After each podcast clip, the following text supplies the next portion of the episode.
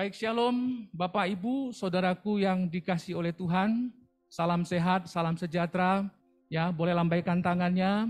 Dan kita percaya bahwa Tuhan hadir di mana pun kita ada hari ini. Bapak Ibu, Saudaraku yang kasih Tuhan, tema kita hari ini sungguh luar biasa dan saya percaya bahwa kita tidak asing lagi dengan gereja ini bahwa gereja ini dipakai oleh Tuhan untuk boleh memberitakan Injil. Amin.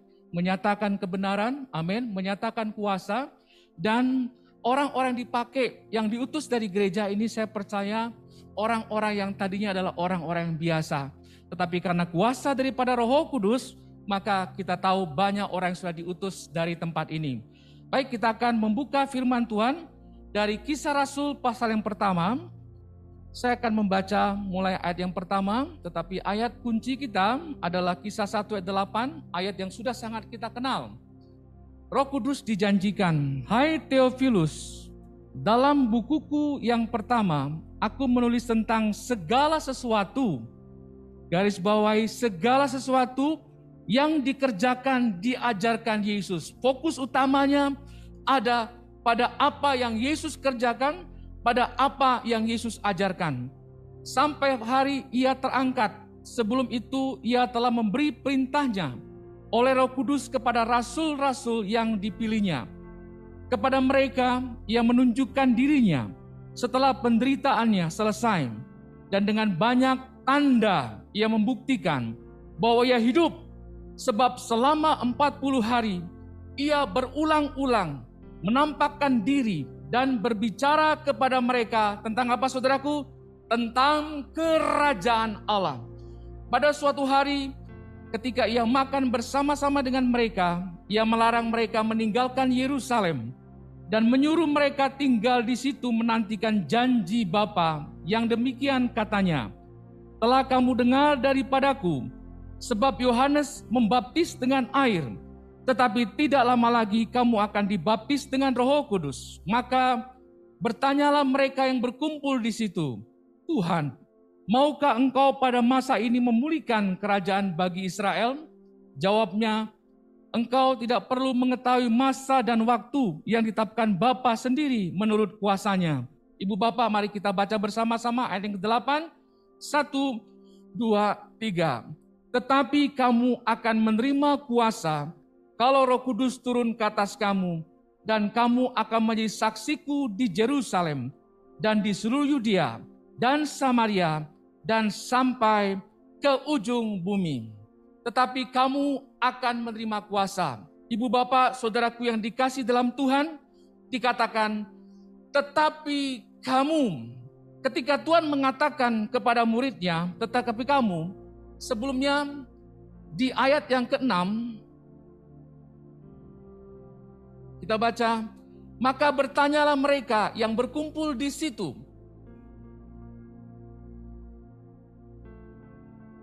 Maka bertanyalah mereka yang berkumpul di situ, sebentar saudaraku ya. Ya, ayat ke-6. Maka bertanyalah mereka yang berkumpul di situ, Tuhan, maukah engkau pada masa ini memulihkan kerajaan bagi Israel? Apa yang dipikirkan para murid itu berbeda sekali dengan yang dipikirkan oleh Yesus. Di ayat yang ke tujuhnya, saudara yang dikasih Tuhan, jawabnya, engkau tidak perlu mengetahui masa dan waktu yang ditetapkan Bapa sendiri menurut kuasanya. Sepertinya Tuhan Yesus mencerahkan pikiran para murid. Para murid berharap bahwa pada waktu itu, supaya Tuhan pada masa ini memulihkan kerajaan bagi Israel. Bapak ibu saudaraku, saya pikir hal yang masuk akal yang dipikirkan oleh para murid. Karena para murid saat itu, mereka sebagai pengikut Kristus, mereka menjalani kehidupan yang tidak mudah. Bahan seteduh pagi ini, bagaimana Injil ditolak oleh banyak orang. Dan kita juga tahu bahwa para murid hidup di dalam tekanan, di dalam aniaya, dan lain sebagainya. Sehingga mereka mengharapkan kepada Tuhan, Tuhan, kalau engkau mau, pada masa ini memulihkan kerajaan bagi Israel. Tetapi Tuhan mencerahkan pikiran mereka. Engkau tidak perlu mengetahui masa dan waktu. Apakah ini berbicara tentang kairosnya Tuhan yang ditetapkan Bapa sendiri menurut kuasanya. Sehingga dia delapan, tetapi kamu, Bapak Ibu, Ini satu pemahaman yang luar biasa.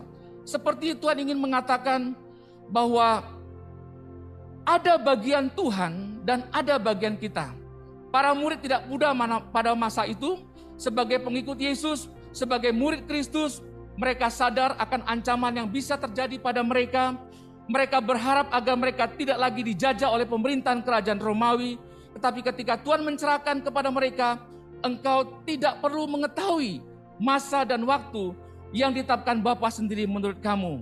Saudaraku, jawab Tuhan, engkau tidak perlu mengetahui.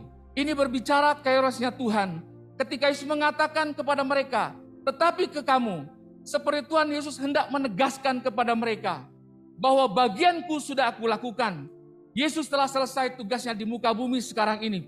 Sekarang ini Tuhan mengatakan, tetapi kamu, ini menjadi giliran kamu untuk mengabarkan berita Injil ke seluruh bumi. Bahkan kalau kita di ayat 3, kepada mereka yang menunjukkan dirinya setelah penderitaannya selesai. Dan dengan banyak tanda, Yesus memberikan banyak tanda yang membuktikan bahwa ia hidup. Sebab 40 hari ia berulang-ulang menampakkan diri dan perhatikan, berbicara kepada mereka tentang kerajaan Allah. Tuhan ingin menegaskan kepada para murid, tetapi kamu ini giliran kamu. Ini giliran kamu sebagai orang percaya. Tugas Yesus di muka bumi sudah selesai. Engkau yang harus pergi memberitakan, mengabarkan tentang kerajaan Allah. Tetapi kamu akan menerima kuasa, dunamos. Hari ini percayakah saudara bahwa saudara sudah menerima kuasa itu, sudah menerima dunamos itu.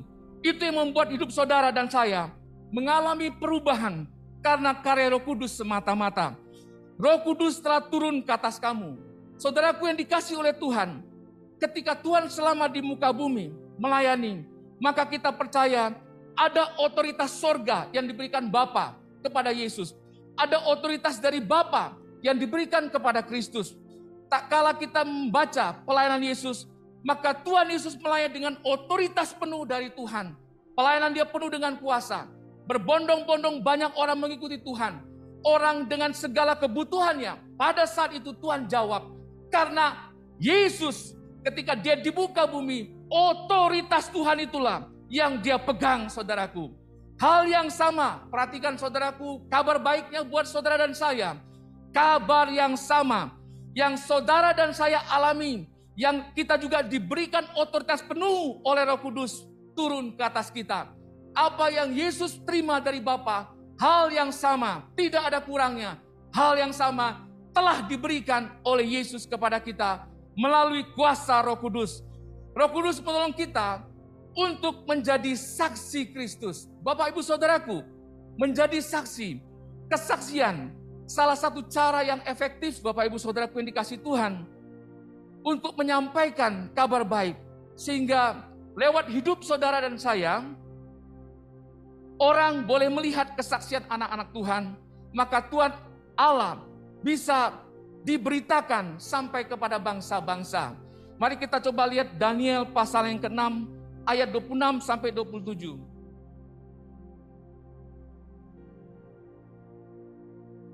Kemudian Raja Darius mengirim surat kepada orang-orang dari segala bangsa. Perhatikan Bapak Ibu Saudaraku, kita tahu cerita Daniel di Gua Singa Ayat 26, kemudian Raja Darius mengirim surat kepada orang-orang dari segala bangsa, suku bangsa dan bahasa yang mendiami seluruh bumi bunyinya. Bertambah-tambahlah kiranya kesejahteraanmu. Bersama ini ku berikan perintah bahwa di seluruh kerajaan yang kukuasai, orang harus takut dan gentar kepada Allahnya Daniel.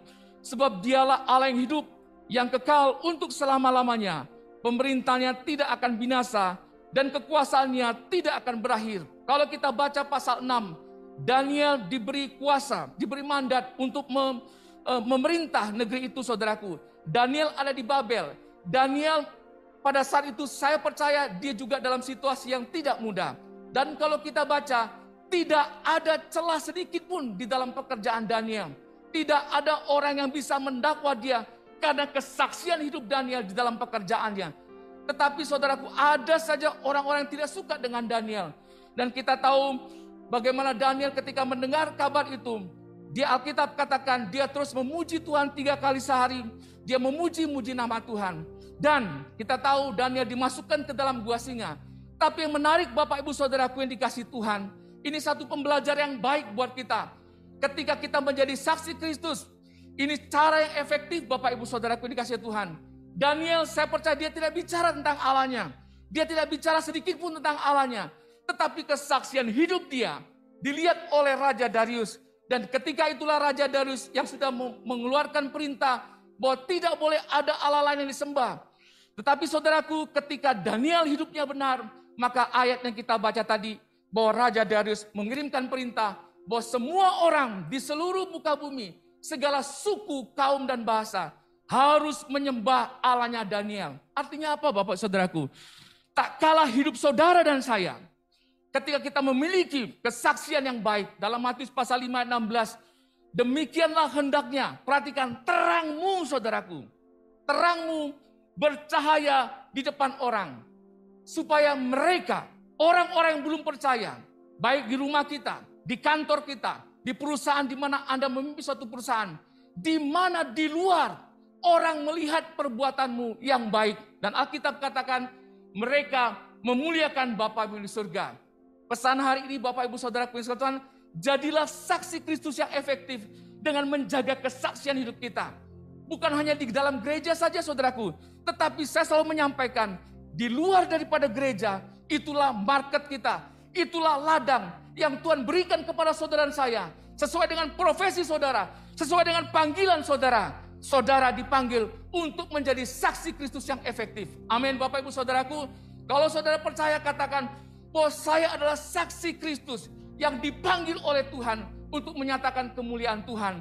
Dalam 2 Korintus pasal 3 ayat 2, kamu adalah surat pujian kami yang tertulis dalam hati kami dan yang dikenal dan dapat dibaca oleh semua orang. Bapak Ibu yang dikasih Tuhan, hidup kita ini suka atau enggak suka dibaca oleh orang. Hidup kita ini di mana pun kita berada, maka mata banyak orang akan melihat. Apakah betul kita orang Kristen yang menjaga kesaksian? Apakah betul di pekerjaan kita menjadi orang yang terbaik? Apakah betul di keluarga seorang suami istri menjadi kesaksian yang baik bagi anak-anaknya? Sehingga lewat kesaksian hidup orang tuanya, anaknya begitu mudah untuk untuk datang kepada Tuhan. Kiranya firman ini mengingatkan kita kembali kita bukan hanya bersaksi menceritakan tentang kuasa Tuhan. Sah saja saudaraku memang katakan untuk kita bersaksi. Menyatakan Tuhan itu ajaib. Menyatakan Tuhan itu penyembuh.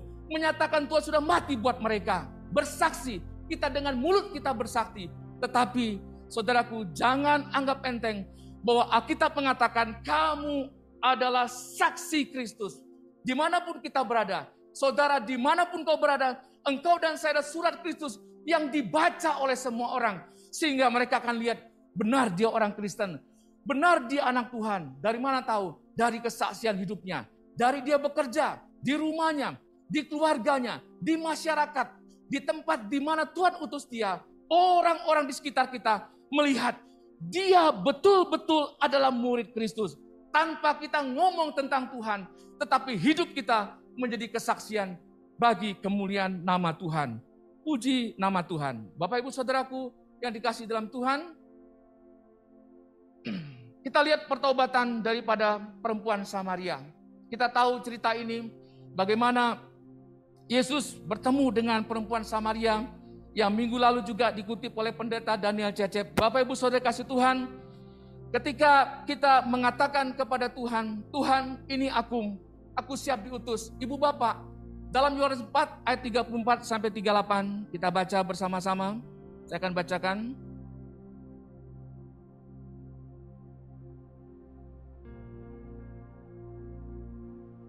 Kata Yesus kepada mereka, Makananku ialah melakukan kendak dia yang mengutus aku dan menyelesaikan pekerjaannya. Bukankah kamu mengatakan empat bulan lagi tibalah musim menuai? Tetapi aku berkata kepadamu, Lihatlah sekelilingmu dan pandanglah ladang-ladang yang sudah menguning dan matang untuk dituai. Bapak Ibu, Tuhan mengajarkan kita untuk kita tidak melihat hanya kepada diri kita sendiri.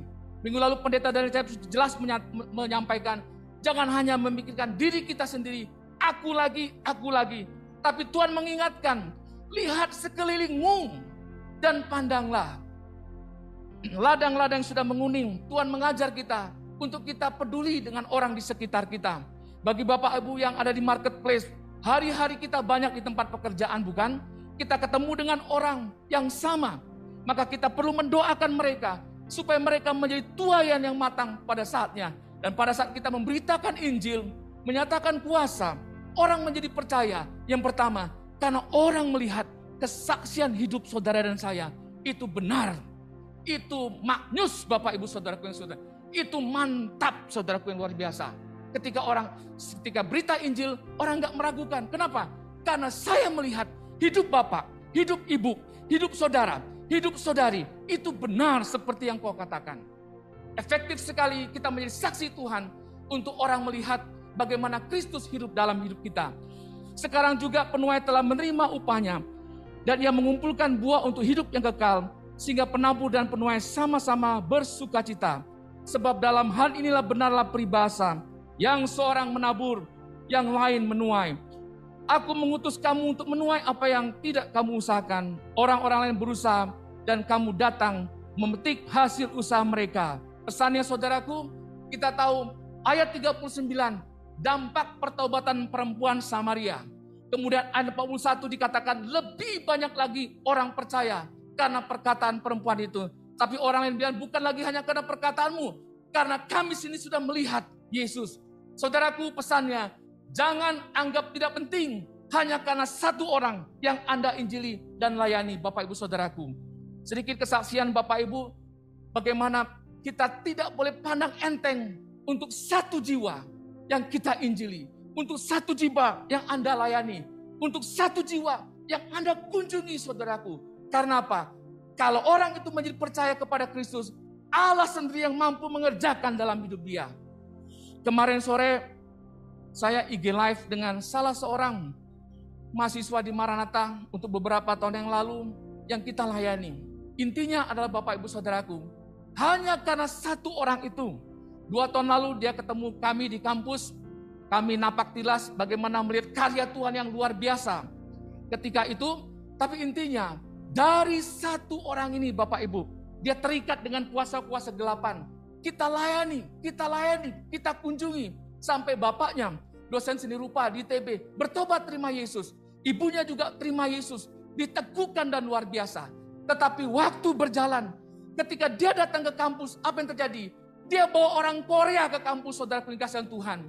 Dia kenalin ke saya, Bang, ini orang Korea. Bapak Ibu dengar baik-baik. Jangan pernah anggap enteng satu orang yang kau layani. Siapa pun engkau, ibu rumah tangga, bapak rumah tangga. Mungkin kau berkata, aku tidak tahu apa-apa. Tetapi Tuhan bilang, tetapi kamu akan menerima kuasa. Mungkin kau katakan, aku tidak tahu banyak tentang Alkitab. Tidak masalah Bapak Ibu Saudaraku. Tetapi ketika kau percaya kepada Tuhan, tetapi kamu Ketika Tuhan berkata kepada murid-muridnya, Tuhan tahu kapasitas para murid-muridnya. Tuhan tahu juga bagaimana hidup para muridnya. Salah satunya Petrus yang pernah mengkhianati, menyangkal, dan menyupai dia tidak kenal kepada gurunya. Tetapi Yesus bilang, tetapi kamu akan menerima kuasa. Dan kalau kita baca kisah Rasul, Petrus berkhotbah di Serambi Salomo. Di Serambi saudaraku bagaimana orang buta itu. Orang yang lumpuh saudaraku, dia mengatakan emas dan perak tidak ada padaku. Tetapi demi nama Yesus orang Nazaret bangkit dan berjalannya. Siapa Petrus Bapak Ibu? Nelayan. Siapa dia? Orang yang pernah mundur Bapak Ibu. Orang yang pernah mundur. Dan ketika di Yohanes pasal 21. Dia ngajak teman-temannya. Yuk kita pergi ke laut. Orang yang pernah mundur. Orang yang pernah jatuh. Orang yang pernah tak berdaya. Tetapi di dalam kisah satu dan bilang kamu akan menerima kuasa. Dan Petrus adalah salah satu murid yang menjungkir balikan dunia pada saat itu. Semata-mata bukan karena dia hebat Bapak Ibu. Dia pernah gagal. Hari ini kalau kau merasa gagal, kau merasa mampu, bahkan saya permisi bicara, mungkin ada beberapa saudara di kondisi pandemi ini, kau kehilangan kekasihmu, tetapi Tuhan bilang jangan takut, aku punya urusan dengan engkau. Kalau engkau percaya, engkau menerima kuasa Tuhan itu, maka Tuhan akan pakai engkau untuk menjadi saksi bagi banyak orang, bahkan sampai kepada bangsa-bangsa. Ketika saudari ini datang Bapak Ibu, dia ketemu tanya ini siapa? Orang Korea bang, latar belakang Buddha. Bapak Ibu, amazing cara Tuhan. Ingat, jangan ragukan. Untuk satu orang pun, katakan amin. Untuk satu orang pun jiwa yang kau dengan telaten kau layani. Karena suatu saat kelak, jangan pernah pikirkan bagaimana cara Allah bekerja. Itu bukan urusanmu Bapak Ibu. Tetapi urusanmu adalah engkau ikut dia. Engkau berikan hatimu. Engkau berikan kerelaan hati itu melayani dia. Allah yang akan bekerja. Dan yang luar biasa, dia sharing. Dia membentuk satu pelayanan interdenominasi. Ada ratusan youth yang dia layani lewat interdenominasi uh, ya, pelayanan dia. Ketika dia pergi ke Korea, dia ceritakan dia pergi ke Australia. Oh saudaraku dengarkan baik-baik. Hanya karena satu orang kita layani. Maka betul Injil bisa diberitakan sampai kepada bangsa-bangsa. Pendeta dan mengatakan mungkin kita nggak pergi ke kita tidak bisa pergi ke bangsa-bangsa, tetapi lewat cerita perempuan Samar yang bertobat ini, Yesus peduli. Yesus sangat peduli. Sangat peduli. Dia begitu memperhatikan perempuan Samaria itu. Dan Alkitab menuliskan pertobatan banyak orang. Dan lebih banyak lagi orang mengenal Tuhan kita Yesus Kristus. Yang terakhir, menjadi saksi Kristus. Pertanyaannya, mengapa Bapak Ibu yang dikasih Tuhan? Situasi yang kau dan saya hadapi tidak mudah. Dan itu pun dihadapi oleh semua orang. Jangan mengeluh, karena ada roh kudus dalam hidup saudara. Jangan pernah menyalahkan situasi, kondisi. Enggak, saudaraku. Karena ada roh kudus. Roh kudus tidak pernah meninggalkan kita. Amin, Bapak Ibu Saudaraku. Dia tidak pernah meninggalkan kita. Engkau dan saya mungkin merasa merasa ditinggalin. No, Roh Kudus tidak pernah meninggalkan. Dia tinggal tetap di dalam batinmu. Dan ketika kita mau memberi diri, lihatlah bagaimana Tuhan pakai engkau. Hai para orang tua yang hari ini anak-anakmu ada di luar negeri. WA mereka, video call mereka, itu salah satu cara di tengah kondisi ini. Ingatkan mereka bahwa engkau ada ke sana nak, bukan kebetulan. Amin. Ada Ibu Manulang, ada Bung Alfred, ada Pak Sahata yang luar negeri, Bapak Ibu Saudara kasih Tuhan, bukan perkara yang kebetulan. Tetapi ketika para orang tua ingatkan mereka, bahwa engkau ada di suatu negara, enggak kebetulan berasal dari tempat ini. Tujuannya untuk apa? Supaya kau menjadi saksi. Bapak Ibu, menjadi saksi itu memang tidak mudah. Kenapa? Ketika kita ada di, di budaya yang berbeda, ketika kita ada di negara yang berbeda, maka tuntutannya enggak gampang saudaraku. Bagaimana di negara-negara luar sana begitu hedonisme, begitu ego dan luar biasa. Tidak mudah ketika kita diutus ke satu bangsa, karena itu Tuhan bilang, Tuhan tahu sekali para muridnya, kondisi mereka ketika mereka ada di Yerusalem. Kondisi mereka sangat tidak mudah. Tetapi Tuhan bilang, kamu akan menjadi saksi. Dan untuk menjadi saksi itu, Tuhan bilang, aku akan berikan roh kudus kepadamu. Engkau akan terima kuasa. Karena kuasa roh kudus itulah yang memampukan engkau menjadi saksi. Di tengah situasi yang tidak mudah. Di tengah persoalan yang tidak mudah engkau alami. Ketika engkau mengandalkan roh kudus. Ketika engkau tahu bahwa Yesus sangat mengasihi engkau. Ketika engkau tahu bahwa Yesus telah mati buat engkau. Dan untuk itulah engkau dan saya dipakai. Untuk mengabarkan Injil. Supaya banyak orang boleh terima Yesus. Supaya banyak orang boleh dilepaskan. Supaya banyak orang boleh disembuhkan. Alasan yang pertama. Mengapa kita menjadi saksi Kristus? Yang pertama Bapak Ibu. Ternyata membawa kemuliaan bagi Allah kita Yesus Kristus. Yohanes 15 ayat 8. Dalam hal inilah Bapakku dipermuliakan, yaitu jika saya garis bawahi, kamu berbuah banyak. Saya tidak percaya kalau orang dibaptis dengan Roh Kudus dia tidak berbuah. Saya tidak percaya kalau orang yang dibaptis dengan Roh Kudus dia bersekutu dengan Roh Kudus secara pribadi. Saya tidak percaya dia tidak mengalami perubahan. Kalau dia tidak mengalami perubahan, ada sesuatu yang salah. Bukan pada firmannya, bukan pada Allah. Tetapi bagaimana respon saudara dan saya? Yang pertama, jika kamu berbuah banyak dengan dan dengan demikian kamu adalah murid-muridku. Pesan yang pertama sebagai penutup khotbah hari ini, berbuah banyak saudaraku. Karena dengan kita berbuah banyak, dengan kita berbuah banyak berlipat kali ganda, yang dimuliakan adalah nama Tuhan kita Yesus Kristus. Bukan kita yang dimuliakan, karena hanya Yesuslah yang dimuliakan. Yang kedua, Dengarkan baik-baik, tanpa Yesus manusia akan terhilang selama-lamanya. Yohanes 14 6 kata Yesus kepadanya, "Akulah dengan te dengan tegas hanya satu-satunya yang berani berkata, hanya Yesus yang berkata, akulah jalan. Tidak ada Tuhan yang lain, tidak ada nabi yang lain, tidak ada siapa pun di muka bumi ini. Hanya Yesus. Dia berkata ke Yesus kepadanya, akulah jalan. Amin.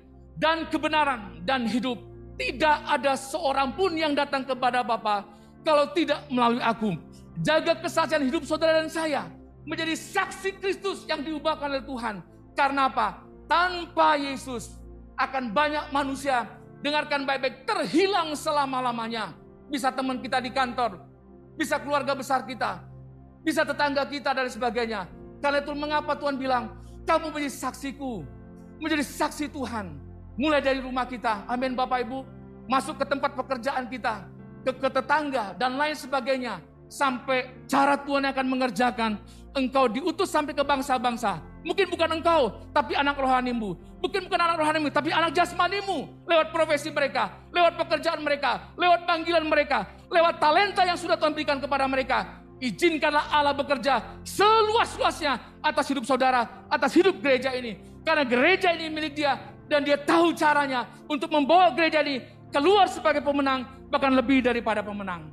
Yang ketiga, penggenapan firman Allah di hari-hari terakhir. Di Sapa Rasul ayat 2 ayat 17. Akan tetapi pada hari-hari terakhir, jemaat yang dikasih Tuhan, sadarlah bahwa ini adalah hari-hari yang terakhir. Ini hari-hari yang terakhir. Ini hari-hari yang terakhir. Demikianlah firman Allah bahwa aku akan mencurahkan rohku ke atas semua manusia. Maka anak-anakmu laki-laki dan perempuan akan bernubuat dan teruna-terunamu akan mendapat penglihatan-penglihatan dan orang-orangmu yang tua akan mendapat mimpi. Bapak Ibu, Allah dia akan menepati janjinya. Dengarkan baik-baik. Mau tanpa engkau dan saya, Allah bisa pakai siapa pun. Tetapi kiranya waktu kita ngerti firman ini, mengapa sampai saksi Kristus yang efektif? Karena pada hari-hari yang terakhir, hari-hari yang terakhir, katakan saja saudaraku, Tuhan aku hari ini sedang hidup pada hari-hari yang terakhir. Makanya aku harus berjaga-jaga. Aku harus waspada.